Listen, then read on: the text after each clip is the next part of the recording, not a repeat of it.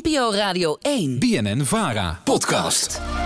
Ruim een maand geleden werd Europa opgeschrikt door het volgende corruptieschandaal. Een grootschalige corruptiezaak in het Europees Parlement. Mogelijke omkoping van Europarlementariërs door een golfstaat uit het Midden-Oosten. Waarschijnlijk Qatar. Dit weekend zijn uiteindelijk vier mensen vastgezet. Kantoren zijn verzegeld, telefoons, computers en 600.000 euro cash zijn in beslag genomen. In Brussel is geschokt gereageerd. We zijn allemaal enorm geschrokken en vooral ook boos en teleurgesteld in de collega's uh, die hierbij betrokken zijn. Onder de verdachten is onder andere Eva Kaili, een van de vicevoorzitters van het Europees Parlement. Ja, en door dit schandaal pleit de voorzitter van het Europees Parlement voor striktere regels voor het Europese lobbyregister. Maar Nederland heeft zo'n register niet eens. Hoe staat het eigenlijk in Nederland ervoor met die lobby? Ik ga daarover praten met Laurens Dassen, Tweede Kamerlid en fractievoorzitter van Volt, die vorig jaar een initiatiefnota indiende om de lobby in Nederland aan banden te leggen. Goedemiddag, meneer Dassen. Goedemiddag. Uh, voordat we het over deze lobby gaan hebben en, en uw initiatief. Uh, u had het uh, partijcongres hè, afgelopen weekend. Zeker, gisteren. Ja. Volt gaat meedoen met de provinciale statenverkiezingen. We gaan zeker meedoen met de provinciale statenverkiezingen. En gisteren was een heel mooi congres waarop we de kandidaten voor de Eerste Kamer hebben gekozen. Mm -hmm. Met een fantastische lijsttrekker, Gabi Pering Gopi. Um, en waar alle uh, provinciale staten uh, ja. kandidaten werden gepresenteerd. Dus uh, wij zijn er klaar voor om ja. mee te doen. Nou, dat klinkt heel, heel enthousiast. Maar wat heeft een pan-Europese partij eigenlijk te zoeken in de provinciale? Nou, kijk, alle uitdagingen die we met elkaar hebben, of het nou gaat om de energietransitie ja. of het aanpakken van stikstof, biodiversiteit, dat zijn afspraken die we in Europa met elkaar maken. En die krijgen handen en voeten in de provincie. Dus dat is eigenlijk waar de oplossingen daadwerkelijk vormgegeven worden. Nou ja, en dan moet je ook zorgen dat dat goed met elkaar verbonden is. En daarom willen wij als Europese partij ook op elk uh, niveau actief zijn, dus ook in de provincies. Want u verwacht dat dit doordruppelt ook in de rest van Europa? Absoluut. Ja. Even terug naar het lobbyregister. Ja. Uh, de voorzitter van het Europees Parlement uh, pleit voor striktere regels uh, dus rondom dat register. Waar u zich druk over maakt. Even voor de duidelijkheid, wat is zo'n lobbyregister? Nou, een lobbyregister zorg, kan ervoor zorgen dat uh, besluitvorming veel transparanter wordt. Hè? Dus dat het in aanloop naar een besluit duidelijk wordt met wie heeft bijvoorbeeld een minister gesproken om tot ja. een besluit te komen. Nu weten we dat vaak niet en kan dus een besluit heel eenzijdig tot stand komen als bijvoorbeeld de minister alleen maar heeft gesproken met bepaalde bedrijven en niet met belang, andere belangengroepen. Ja. Hebben wij dat in Nederland nou wel of niet? Nee, dat hebben we in Nederland dus nee. niet. Daar pleit de Tweede Kamer al heel lang eigenlijk voor. We hebben ruim een jaar geleden hebben wij een motie ingediend die kamerbreed gesteund werd met uitzondering van de VVD.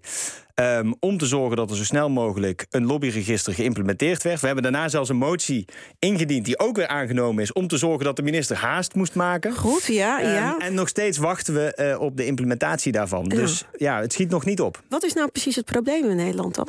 Nou, het probleem is dus dat het uh, intransparant is... hoe bepaalde uh, besluitvorming wordt gemaakt. Mm -hmm. En dat leidt tot problemen. Je ziet het bijvoorbeeld bij Groningen, bij het gas. nou, dus eerder is een hele reconstructie ook geweest dat uh, de ministers wel met de grote oliebedrijven spraken, maar bijvoorbeeld niet met andere belangengroepen, waardoor die gaskraan dus open ging. Ja. We hebben een coco-affaire gehad, dat is alweer een tijdje geleden, waarin banken zelf actief meeschreven aan wetgeving, waar de Kamer helemaal niet van wist. Mm -hmm. nou, dat soort zaken wil je transparant hebben, zodat je weet hoe is besluitvorming tot stand gekomen en wie heeft daaraan uh, aan bijgedragen. Maar ja. dus ook dat je zorgt dat iedereen toegang heeft tot de macht. Ja, maar wacht even. U zegt niet alleen maar namen en rugnummers van wie met wie praat, maar ook wat er precies besproken is. Dus. Nou, in dus ieder geval dat er inzicht gegeven waarom dat gesprek ja. heeft plaatsgevonden en waarover het is gegaan. Ja. Want ja, afspraken zijn, er zijn gemaakt, et cetera. Absoluut. Kijk, ja. en er zijn ook voorbeelden dat uh, uiteindelijk uh, uh, een, iemand komt voor een bepaald onderwerp en dat het gesprek ergens anders over heeft te gaan. Ja,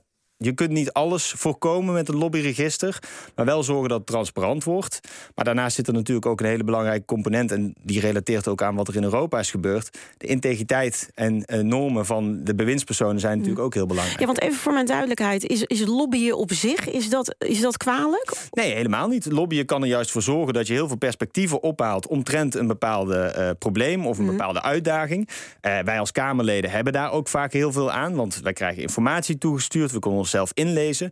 Uh, lobby wordt een probleem als het heel eenzijdig is. Dus als je alleen maar vanuit één bepaald perspectief heel veel informatie krijgt en dus nou ja, wetgeving tot stand komt die ook alleen maar vanuit dat, of dat perspectief helpt, ja. dan wordt het een probleem. En kan zo'n register daarin bijsturen? Want bijvoorbeeld uh, VVD Eerste Kamerlid Annemarie Jorritsma die zegt ja, het hoort er nou eenmaal bij. Dit, hè, dat bedrijven komen lobbyen. En, en dat is ook helemaal niet erg, dus dat er gelobbyd wordt. Maar het wordt wel erg, en dat zegt mevrouw Joris maar er dan niet bij, als het eenzijdig wordt. En zo'n register kan dat dus transparant maken. Die laat zien van oké, een minister heeft een wet. En als hij alleen maar met bedrijf X heeft gesproken, nou dan kun je eigenlijk weten dat die wet te veel toegeschreven is naar dat bedrijf. Terwijl als ze ook met andere belangengroepen heeft gesproken, dan is dat voor de Kamer duidelijk van hoe is de minister tot een bepaald standpunt gekomen. Maar ook voor journalisten en media. Maar zou je dat ook kunnen afdwingen dan als Tweede Kamerlid?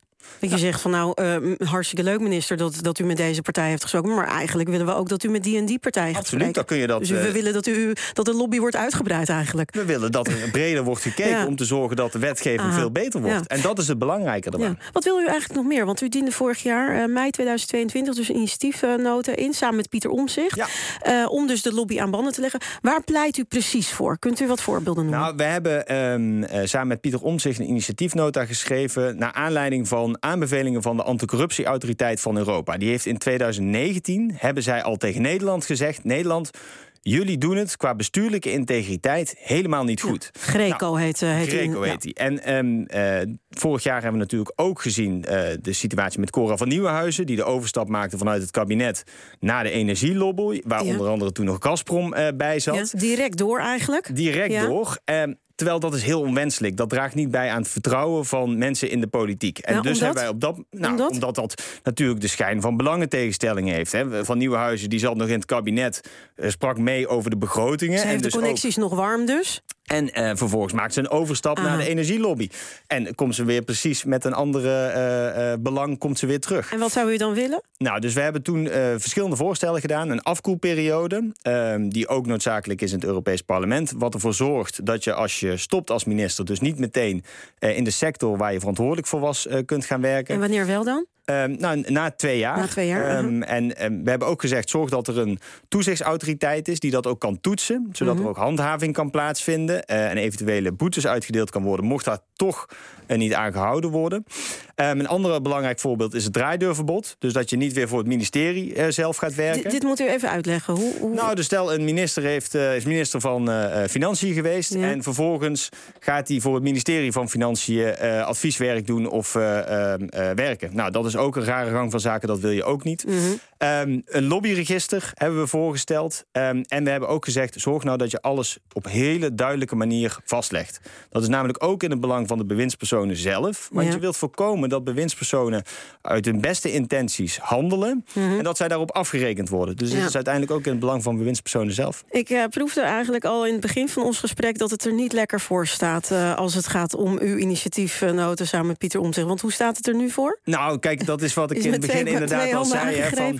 Um, wat ik interessant vind, we hebben in Europa hebben we nu dat corruptieschandaal. Ja. Terecht dat daar heel kritisch op gereageerd wordt, want daar moet een verandering in zijn. Daar stemt de Kamer ook unaniem voor Ja, dat maar- de Nederlandse regering Europa gaat aanspreken. Maar vervolgens stemmen partijen als de VVD eh, en CDA wel onze voorstellen om dat in Nederland ook goed te regelen weg. Hmm. Um, de minister, Bruin Slot, is uh, zeker uh, bewust van de urgentie. Um, ik vind ook dat zij nou ja, de goede stappen neemt, maar het gaat veel te langzaam. Ja. En dat geeft mij wel het gevoel dat het weer vooruitgeschoven wordt. Wat we al heel lang zien. Hè, het is voor, door het vorige kabinet ook gezegd. Nou, het volgende kabinet gaat erover. Waar komt dat door?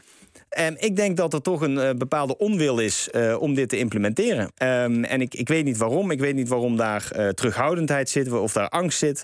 Um, iedereen vindt dit een goed idee. Iedereen begrijpt de urgentie. Maar toch stelt het kabinet het elke keer uit. En we zien dat wel wat meer problemen. Maar ik maak me daar zorgen Ja. over. Nu ook weer. Er wordt weer een advies ingewonnen. Ja, en dat advies, ja, dat, dat duurt dan weer even. Daar moet dan weer over gedebatteerd U worden. klinkt een op, beetje, ja, u klinkt ook een beetje moedeloos.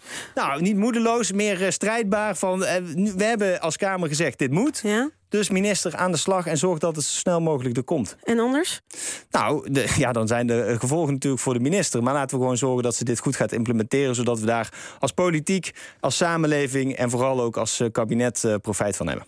Duidelijk. duidelijk. Dank u wel. Laurens Das, eh, Tweede Kamerlid en fractievoorzitter van Volt.